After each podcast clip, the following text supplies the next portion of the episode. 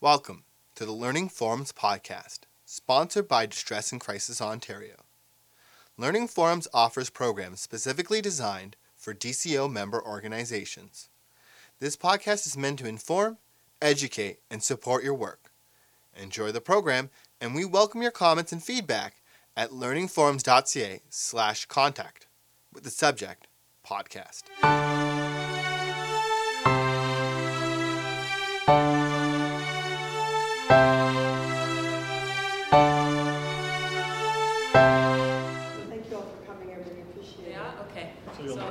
Two. two, I'll be hooked up like this. Great.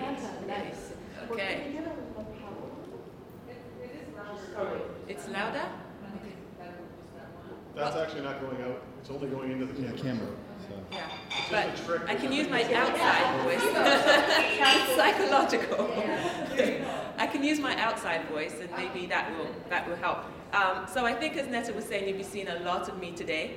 Uh, I was invited to dinner yesterday, but I couldn't make it. But uh, I did say to Netta, you've seen a lot of me today anyway, so you know it, it's okay. Um, I think the first thing we're going to do is an activity.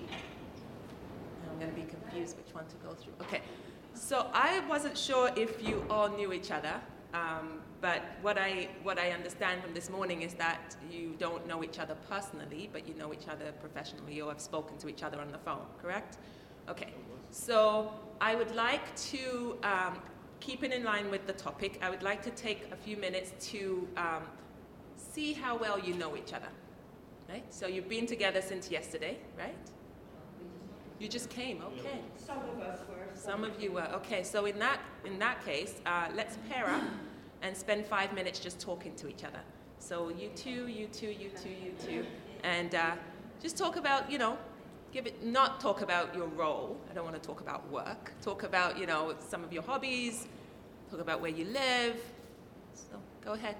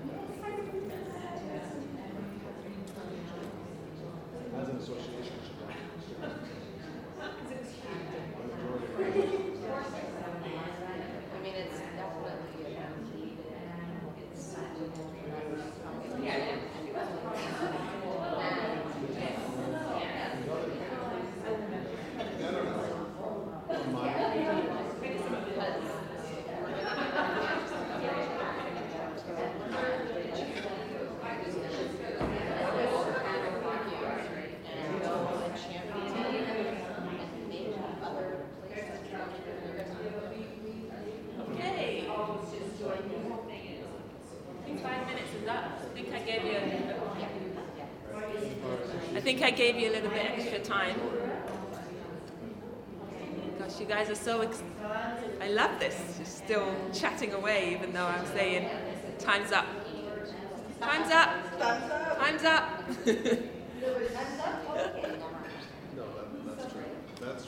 Well, this is great because usually when we do this exercise, we usually people take the first three minutes just kind of looking at each other. And then they get up and go get coffee and come back. And then they go and get a bagel and come back. And um, so this is great. I'm, I'm really excited to see you all kind of talking to each other. And I saw Catherine jotting down notes. Yeah, She's a caterer. Yeah, she is. I just She is. on the phone, you can't see what So, so that's that's really good because the next thing we're going to do, um, what I'd like to do though, Catherine, is take that note away from you. what I remember. Actually, you can just turn it over. Okay. So, uh, a notepad's in front of you. I'd like you to take your notepads and write down the person that you've been talking to, their first and last name, and up to three things about that person.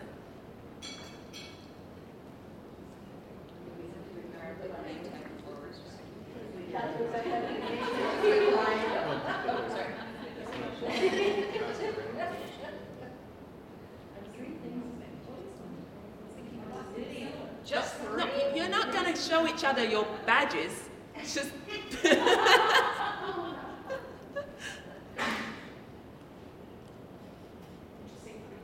up to three things. Yeah.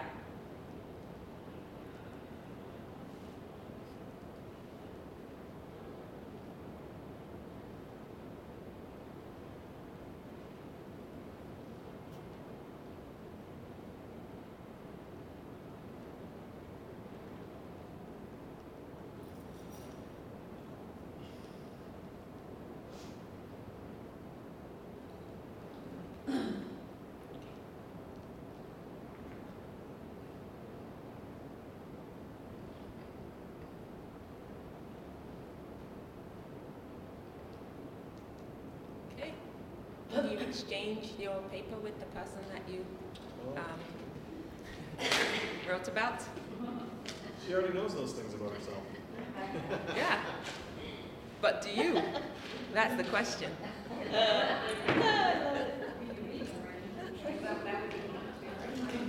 That's another strategy. If we write so that the next person can't read, then we might be able to get away with it.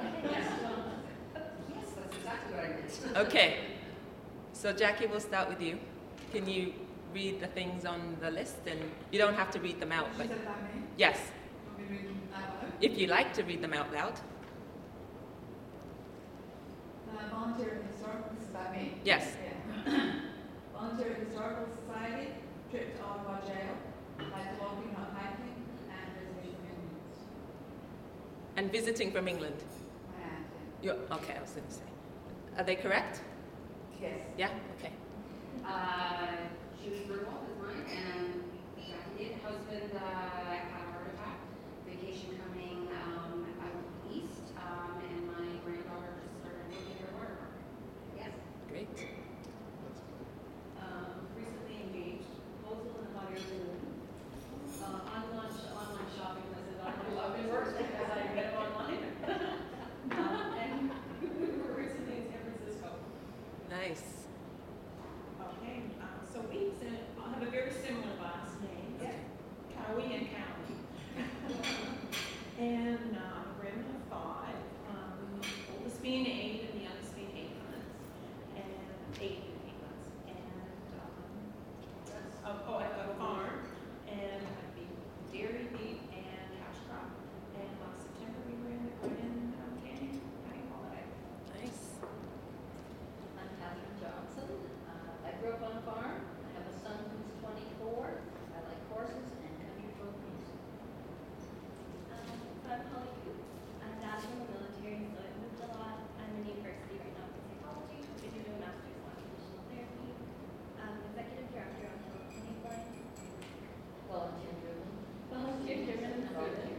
And I like that. All right, Susan Ward uh, from Philadelphia, and I moved to Durham for love. I brought a dog with me and inherited five children, and I'm not a lemming. What does that mean? She's not a follower. Do you know the Lemmings, that game from the 80s? Some of you A may- lemming is a an animal or a bird It's some kind of thing that just follows the other one and just, like, Yeah. even if it goes off a cliff, it'll just keep going. Okay. everybody just Susan is jumps and follows right after the one that jumps. So did you come up with that, or did you tell him that? I told him that. Okay. But I can relate, 'cause I I used to play a game called Lemmings. and they just follow each other. Okay. So I'm Ron Dunn, she got that right. I've been married 29 years at the end of this month, and my wife still likes me. She wrote that part, I'm not sure. You told me that. She's still here, so I'll take that as a sign. Uh, my son just got married in September. I have two grand dogs already, so that's exciting. I've been told to slow down on the grandchildren. And I'm very close to being ordained as a minister. Nice. Nice. I thought you were going to say I've been married 29 times. No. That's what my high school yearbook says. We'll be married. So that, that's, that's really great. And all of you were able to talk to each other and be able to relate to each other and also be able to say something about your neighbor. Um, so the next slide I'm going to put up, I really like this quote. Um, Never let your friends feel lonely, disturb them all the time. And I have a personal story related to this. When I was uh, 17, I went to a youth center. This was back in England in the summer. You'd go to a youth center. And I met these two girls, and we hung out the whole summer. It was like six weeks of hanging out, and we were inseparable. And one day at lunch, we went uh, to a Chinese restaurant, and I had a shellfish, breaded shrimp or something. And about 15, 20 minutes afterwards, I was like itching, and I knew I didn't, I didn't have any allergies, but I was itchy, and, and all of a sudden, I started getting these welts all over me. And my friends were, oh my gosh, this is turned into a monster. So they called 999, 911 here, and the ambulance came and took me to the hospital. They rushed me into the treatment room, and my friends were outside. And the nurse went out to them because they couldn't register me because it was an emergency, so I was rushed straight through. And the nurse said, I could hear them outside, the commotion, as I was getting a, an IV inserted in me. And the nurse said, uh, What's her first name? And they said, Harriet. And she said, What's, what's her last name? And nothing. And she said, what's, the, what's her last name? And one of them said, I, I don't know. And the other one said, I don't know either. And she says, Okay, well, where does she live? What's her home address? We don't know. Okay, do you know any family member that we can call? And they said, No.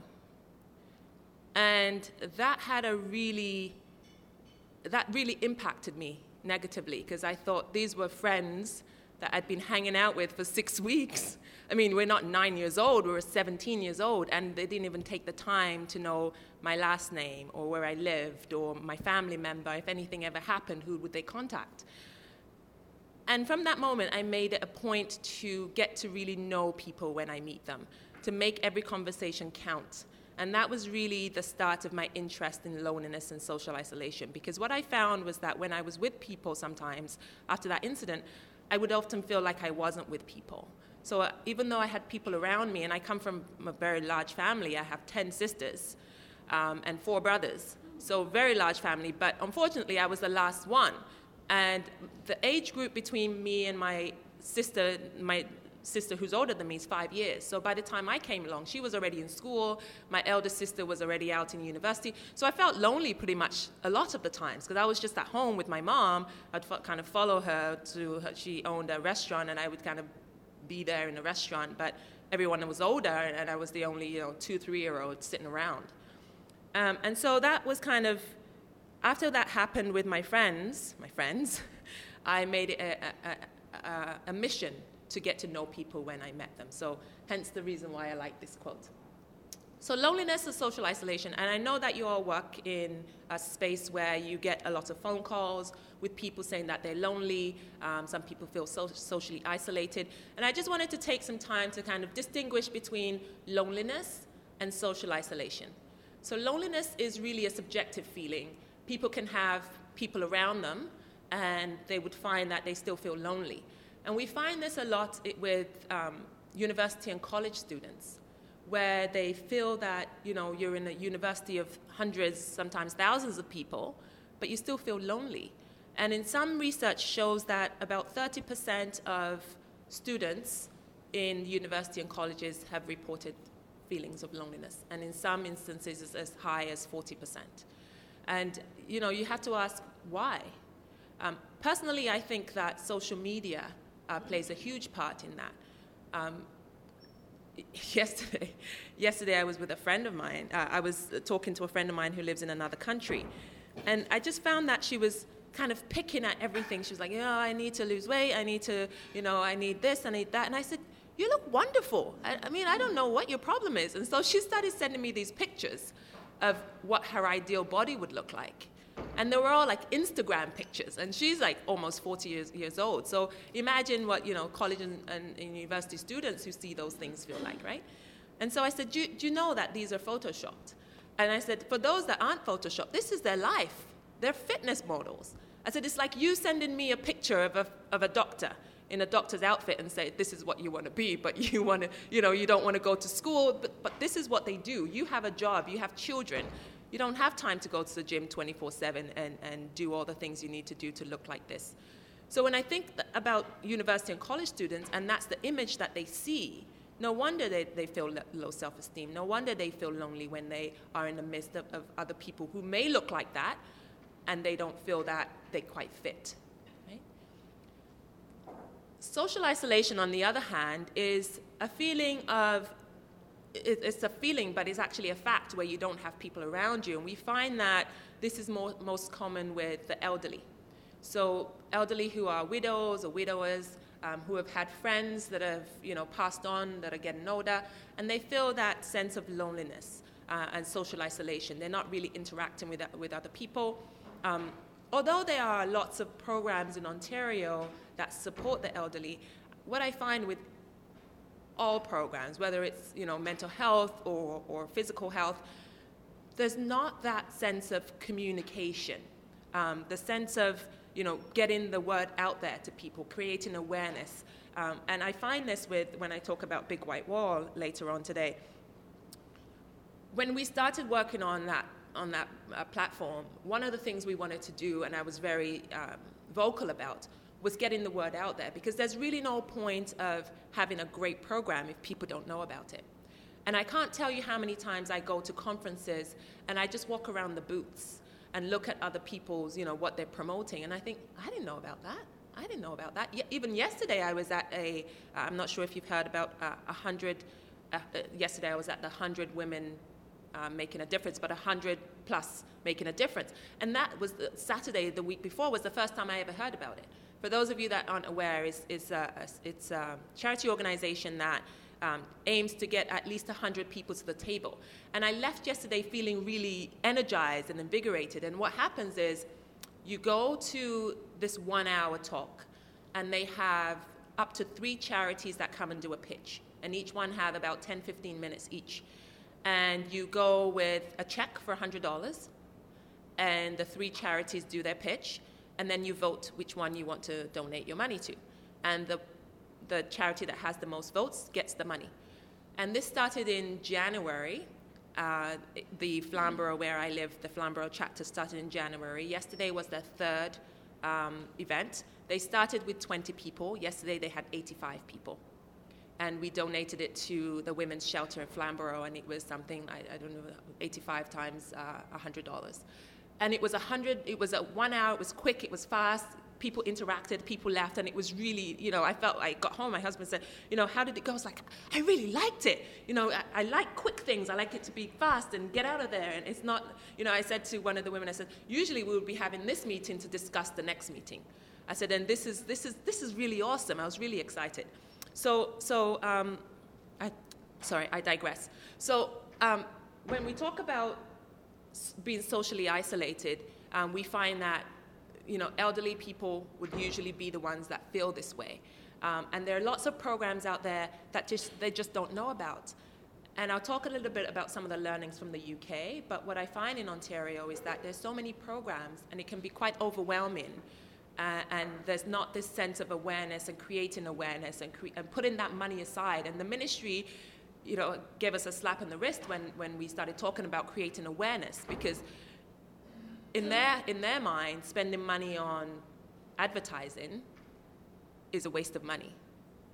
Whereas what, in my head, spending money on programs that people don't know about is a waste of money. So, according to Statistics Canada, uh, approximately 1.4 million elderly, I'm going to stand over here because I know you can't see, uh, 1.5 million elderly people um, report feeling lonely. Okay.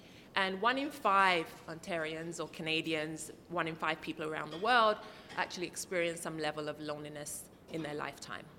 Okay. And this could be associated with um, family moving, children moving schools, um, people, you know, loss of a loved one, uh, and so on. What we actually uh, find is that the most at risk group are the elderly and adolescents. So you have that adolescence in the transition from maybe middle school to high school or high school to university, and then you have the elderly as they uh, get older. I remember my mum uh, saying, when before she passed, um, she had a problem, she had heart problem, and we tried to kind of get her on on medication and she said i'm not going to take medication for the rest of my life because she'd have to get a blood test every week. And she says oh my friends are gone anyway. It's time for me to go meet them right? So but she had a big, big family so she wasn't in that situation. But imagine a, a, an elderly who had nobody especially in the western world where we find that children move away for jobs. Um, statistics shows that usually people in developing countries, elderly people in developing countries, feel less isolated because they usually have people around them. But in the Western world, it's becoming more of an epidemic because children have moved away, parents are on their own, and we hear all the time in the news where an elderly person's passed away and they're not found in their home for days right? because they just don't have people around them. Loneliness and social isolation the feeling of loneliness and social isolation is actually equivalent to smoking around 15 cigarettes a day. And this is not me making this up, it's real statistics. And I can share these, this deck with you, um, so you know, don't feel that you need to write everything down. Um, it's also equivalent to uh, physical inactivity and obesity, which increases the risk of depression because if you're lonely or socially isolated, you're not getting out, you're at home, um, and, and this can lead to obesity, this can lead to depression as a result. Um, it actually increases developing dementia by 64%. There were some studies that were previously done in the States um, of people who self identified as being lonely or socially isolated. And there were about a thousand studies or so, a thousand people in the, a thousand participants. And what they found was that about 30% of, of those people would actually uh, end up suffering from dementia. Um, the most recent study in 2018 had about 480,000 participants, and the study in the, in the UK followed them for seven years. And what they found was that for those people who are self identified as being socially isolated or, um, or lonely, over the period of seven years, they actually increased their, their risk of a stroke or a, a cardiac arrest by 1.5. So 1.5 fold of those people who actually reported feeling lonely or socially isolated ended up having a stroke or um, ended up having some kind of heart defect. So, now that we know what the issue is, how are we going to, what are the things that we're doing to, um, to deal with this issue? Uh, does anybody know who this lady is? Now?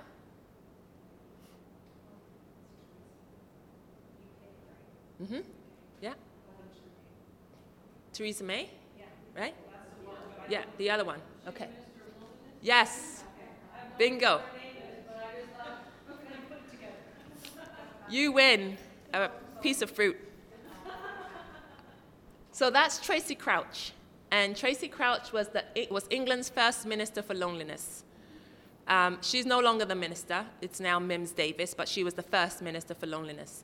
And in January of, uh, January of 2018, when it was announced by Theresa May that there was going to be a minister for loneliness, this was met with ridicule around the world. There was um, late night shows in the U.S. that were just tearing this apart. Um, Canadians were having a laugh about it. But slowly and surely, it became clear that this is actually a real problem. Um, in the UK, what they found was that m- patients who had controlled chronic diseases were showing up to the doctor's office at least three times a week, constantly. Sometimes they would show up with no appointment. And they would say, Well, if, if, if the doctor's free, I'll see him. If not, you know, I'm okay to just sit here until he's available. And so one of the physicians started looking into this and trying to find out what's going on here. And what the and so he started a little study, and what he found was that these patients were actually coming in. Most of them were elderly, um, were coming in because they had no one to talk to. And what they were saying was that they come here to interact with other people, or to interact with the doctors. Because when they saw the doctor, did the vitals, everything was fine. How are you doing? Yeah, I'm fine. But then they started talking about social things, my dog or my cat. And so this is really how the whole conversation started about loneliness and having um, having people coming into the to the doctor's office because they have nowhere else to go. And one of the things that um, the report wants to do is to actually uh, I'll, I'll step back. The report stemmed as a result of a Jo Cox commission. And Jo Cox was an MP in the UK who was um, very vocal and supportive of uh, the elderly having you know, better services for the elderly, uh, better services for refugees, better services for, um, for the underprivileged. And unfortunately, she was murdered because of her views by some far right um, individual. But part of her recommendations before she died was to have appoint a minister for loneliness that would actually put in place a campaign to end loneliness. And as a result, Tracey Crouch was appointed, and the UK actually invested 20 million pounds. Um, 20 million is like times 1.6 Canadian dollars uh, to end loneliness. So, a couple of the amazing uh, organizations that are actually working on this as part of this 20 million dollar, uh, 20 million pounds. Uh, the Silver Line. Has anybody heard of the Silver Line? Okay. If you haven't heard of the Silver Line, I would encourage you. There's a link there. Um, Sophie Andrews. I would encourage you to, um, when I send you this deck, to go, to go to YouTube and watch her TED Talk. It's amazing. So the Silver Line is the helpline, the kids' help phone for the elderly. And it's a, it's a, it's a one call place. Anybody in the UK can call. Any elderly in the UK can call. And it's a, I won't give it away, but it's a really neat talk. It's about 20 minutes long, and I, I promise you, you, you won't be bored. It's well worth watching. Um, and elderly's call, they can talk about anything they want. Anytime they can ask advice about, you know, services, they can ask advice about finances, they can ask advice, about, they just, they can just talk about their cats, they can talk about their dogs. And it's just really amazing. It started a few years ago, and like I said, just watch it, you won't be disappointed. Age UK is, again, across the UK. It's, um, it's run by mostly volunteers, not so far from the, the distress uh, call centers, but it's specifically for the elderly. Uh, they have an amazing website and it has information about um, services that are to do with social services, um, anything to do with activities in your local neighborhood that you want to attend. They have volunteer uh, visitors that can come and actually take you to these services if you're not, if you're not mobile, able to get there. But it, what I love about it is the one stop shop. So I spoke about the silos in Ontario and the different programs spread all across, but having just that one place, that one number to call when you need something is really driving the campaign to end loneliness, especially with the elderly. And then Be More Us, um, 88% of people believe that small moments of connectedness can help tackle loneliness. I love the quote. A lot of people think that it's a, a Robin Williams quote, but it actually isn't. It's a, it's a quote from Proverbs. And it says, um, Be kind because everybody you meet is struggling with their own battle. right? So just that small act that we can all do each day um, can really make a difference. Uh, I was at uh, Fortino's close by me um, a few last year sometime, and usually I'd go in and this lady who works in the bakery, you know, kids can get free cookies, right? So my kids always, can I come with you to Fortino's just to get this free cookie, even though we have cookies at home, but just a novelty. And she's usually very pleasant, and she would, you know, yeah, here you go, thanks, you know. And I went in that day, and um, my kids went with me, but I wanted to get a cake or something, and I, and I started speaking to her. She was very short with me. And I thought, and my immediate reaction, as we all are when somebody's rude to you, is to, is to do what? Bite back, right? Like if somebody's rude to you, you immediately want to, you get your, your back up. And, and then she, she turned around, she says, What? I thought, Whoa, that's not real customer service. And my immediate reaction was to say, Sorry, pardon me. But I took that second to compose myself. And I said to her, Are you okay? And you could just see her demeanor change it, change. And she turned around and she said, Pardon? And I said, Are you okay? I said, You seem a little bit uptight today. Are you okay? And she said, You know, you're the first person that have asked me that today. She said, I'm having a really tough day. And thank you so much for noticing that. And to me, I, I thought, okay, you know, t- take a deep breath and hopefully you'll be off your shift soon and you can have the rest of your day will be okay. And I didn't have to do that. But the fact that she said to me, you're the first person that has said that to me today, and she's probably been working there since, you know, since the morning. I must have been in there around four o'clock. And I thought, I, I, I felt like I had to give myself a pat on the back. And we should never be ashamed or feel too proud to say, I'm glad I did that. You know, what would have happened if her day just continued with nobody noticing, her colleagues not noticing, or, you know, other customers not noticing, and, and, and God forbid I came in and said, What's your problem?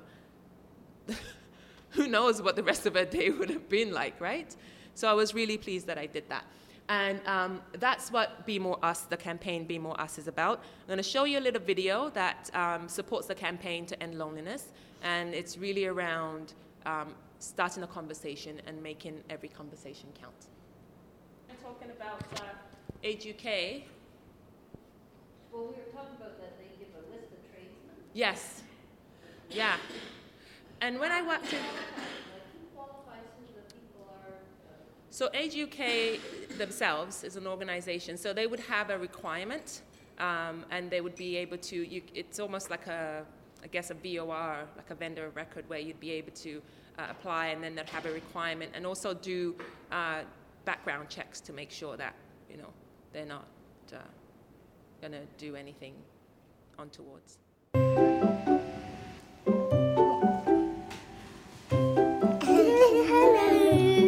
Hi. Hello. Hello. My name is Layla. Cool. Oh. Are you here with your parents or? Yeah, with my mom. Are you shy or something? No. It's kind of boring having a tea or coffee by yourself. You need somebody to talk to. Why are you wearing a hat? How much money do you have? Why is your hair white? It's a bit like the trees in autumn. You know, you can ask a tree, why are your leaves brown? Do you mean in the bank or Like your pocket money and stuff like that. £560 a month pension? Wow. If you had that, what would you do? I would get a dog and get a house with a swimming pool and go on X Factor. Do you have Netflix? Nothing like that. I've just got a radio. We normally play Bulldog. You still play Bulldog? I remember playing that. Peter Piper picked a peck of pickled peppers. Peter Piper picked a. okay. Where are your friends and where they are Um, right now? some of my friends are abroad. I was born in Jamaica, so a lot of my friends are there. You know. I mean, I'm new in London. Well, I've had hundreds and thousands of friends. At the moment, I've got got a lot of Facebook friends. Well, maybe I can sit with you and have some coffee. Yeah. You like coffee? Yeah. Do you? What's your favourite? Hot chocolate. Hot chocolate. Why can't everybody be friends? That's a good question. It's not as easy as that, really. I couldn't walk up to somebody in here and say, Would you like to play with me? That'd be a bit strange. I think everyone should talk to everybody. That's the nicest thing I've heard all day. You've really made my day. Making friends is easier than eating chocolate. I think everyone in the world should have one big party and become friends.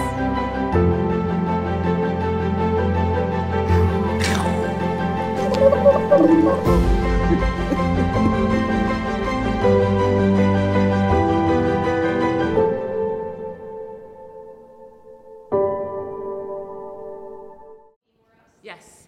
video is called Be More Us, and it's uh, part of the part of the campaign to end loneliness as part of the 20 million pounds that was put towards um, ending loneliness. So Ontario, though, is not, you know, is, is, doing some things to um, meet the needs as well. Later on, you hear me talk about Bounce Back and Big White Wall, which are two um, innovative solutions to support mental health and loneliness. Um, the Loneliness Project is a project of, that was created by a, a girl called Marissa Korda. She started this uh, online platform where people can send in their stories, their loneliness stories, and she posts new stories every week. And you can go into the way it's set up online. There are different apartments where you can go in and read uh, about somebody's story, and it's really to kind of inspire other people and to drive home the fact that you know we're really not alone. Uh, and, and, that's her call to end loneliness. And Symbiosis is a program that's run by McMaster University, which I really love. And what it, it, what it is, is pairing students with elderly who live on their own. And um, the student gets the benefit of a low rent, and the elderly gets the benefit of having some company. So I really like that, uh, that uh, program. So, your personal call to action. I'd like you to take your piece of paper again that you have, maybe on the other side, and write one thing that you will do to um, play your part in ending uh, loneliness or social isolation uh, in the area that you live in. It doesn't have to be anything heroic, um, just one small thing that you, you can do.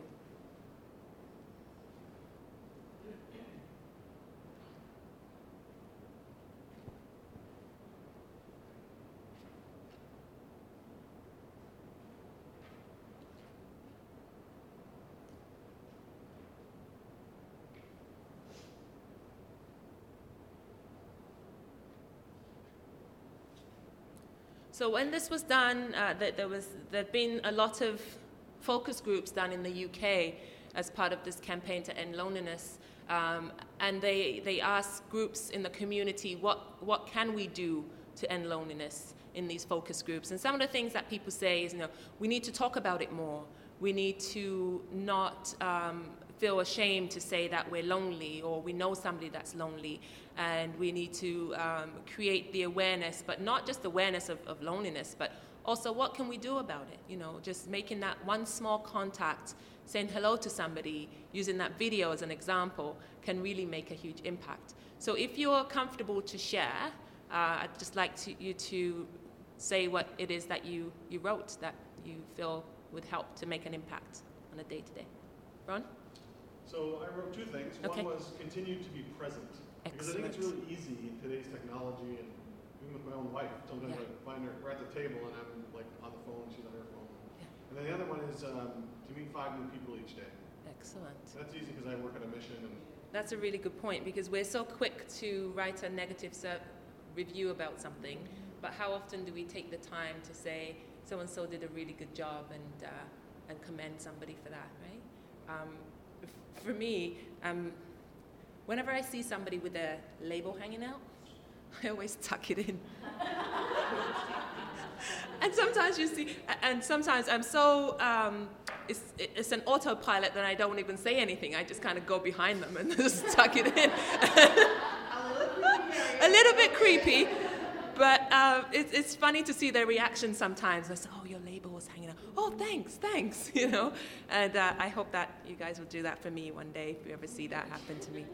Um, so, so I think that we all, everyone here is you know, you're all conscious about getting to know people and, and, spending that time because of the work that you do and the work that we all do, right? But it's, it's passing that on to the next person. So I have a, a little uh, homework for you. Um, next time you're with a friend that's not in the same field as you, I'm going to read it out in case you can't see. Next time you're with a friend, hand them a cue card and ask him or her to write something about themselves that you don't know. And I'd like you to do the same as well. Write something about yourself that they might not know and then swap the cards. Right? I, I used to get these emails, um, and I got one once, and it was like 10 things that you, 10 things that you may not know about, uh, 10 things about this person. So, for example, a friend of mine that we went to college together sent me 10 things about uh, themselves that, you know, nobody would know. And one of them was um, something about the person that you're sending this to and she had had at age 17 a hysterectomy because of um, um, a risk of cancer, ovarian cancer. So they had a total hysterectomy, and, and you know I went to see her a few times and we talked, and um, and the thing that she wrote there where it said something about who you're sending this to, and she said she helped me at the most difficult part of my life, but I don't even think she knew that. And that really touched me because I was just being a friend and just going to visit her in hospital, and I never knew the impact that I had to her. So that's just a little homework for you to do the next time you're with a friend. And to end, again, never let your friends feel lonely. Disturb them all the time. Thank you. Thank you.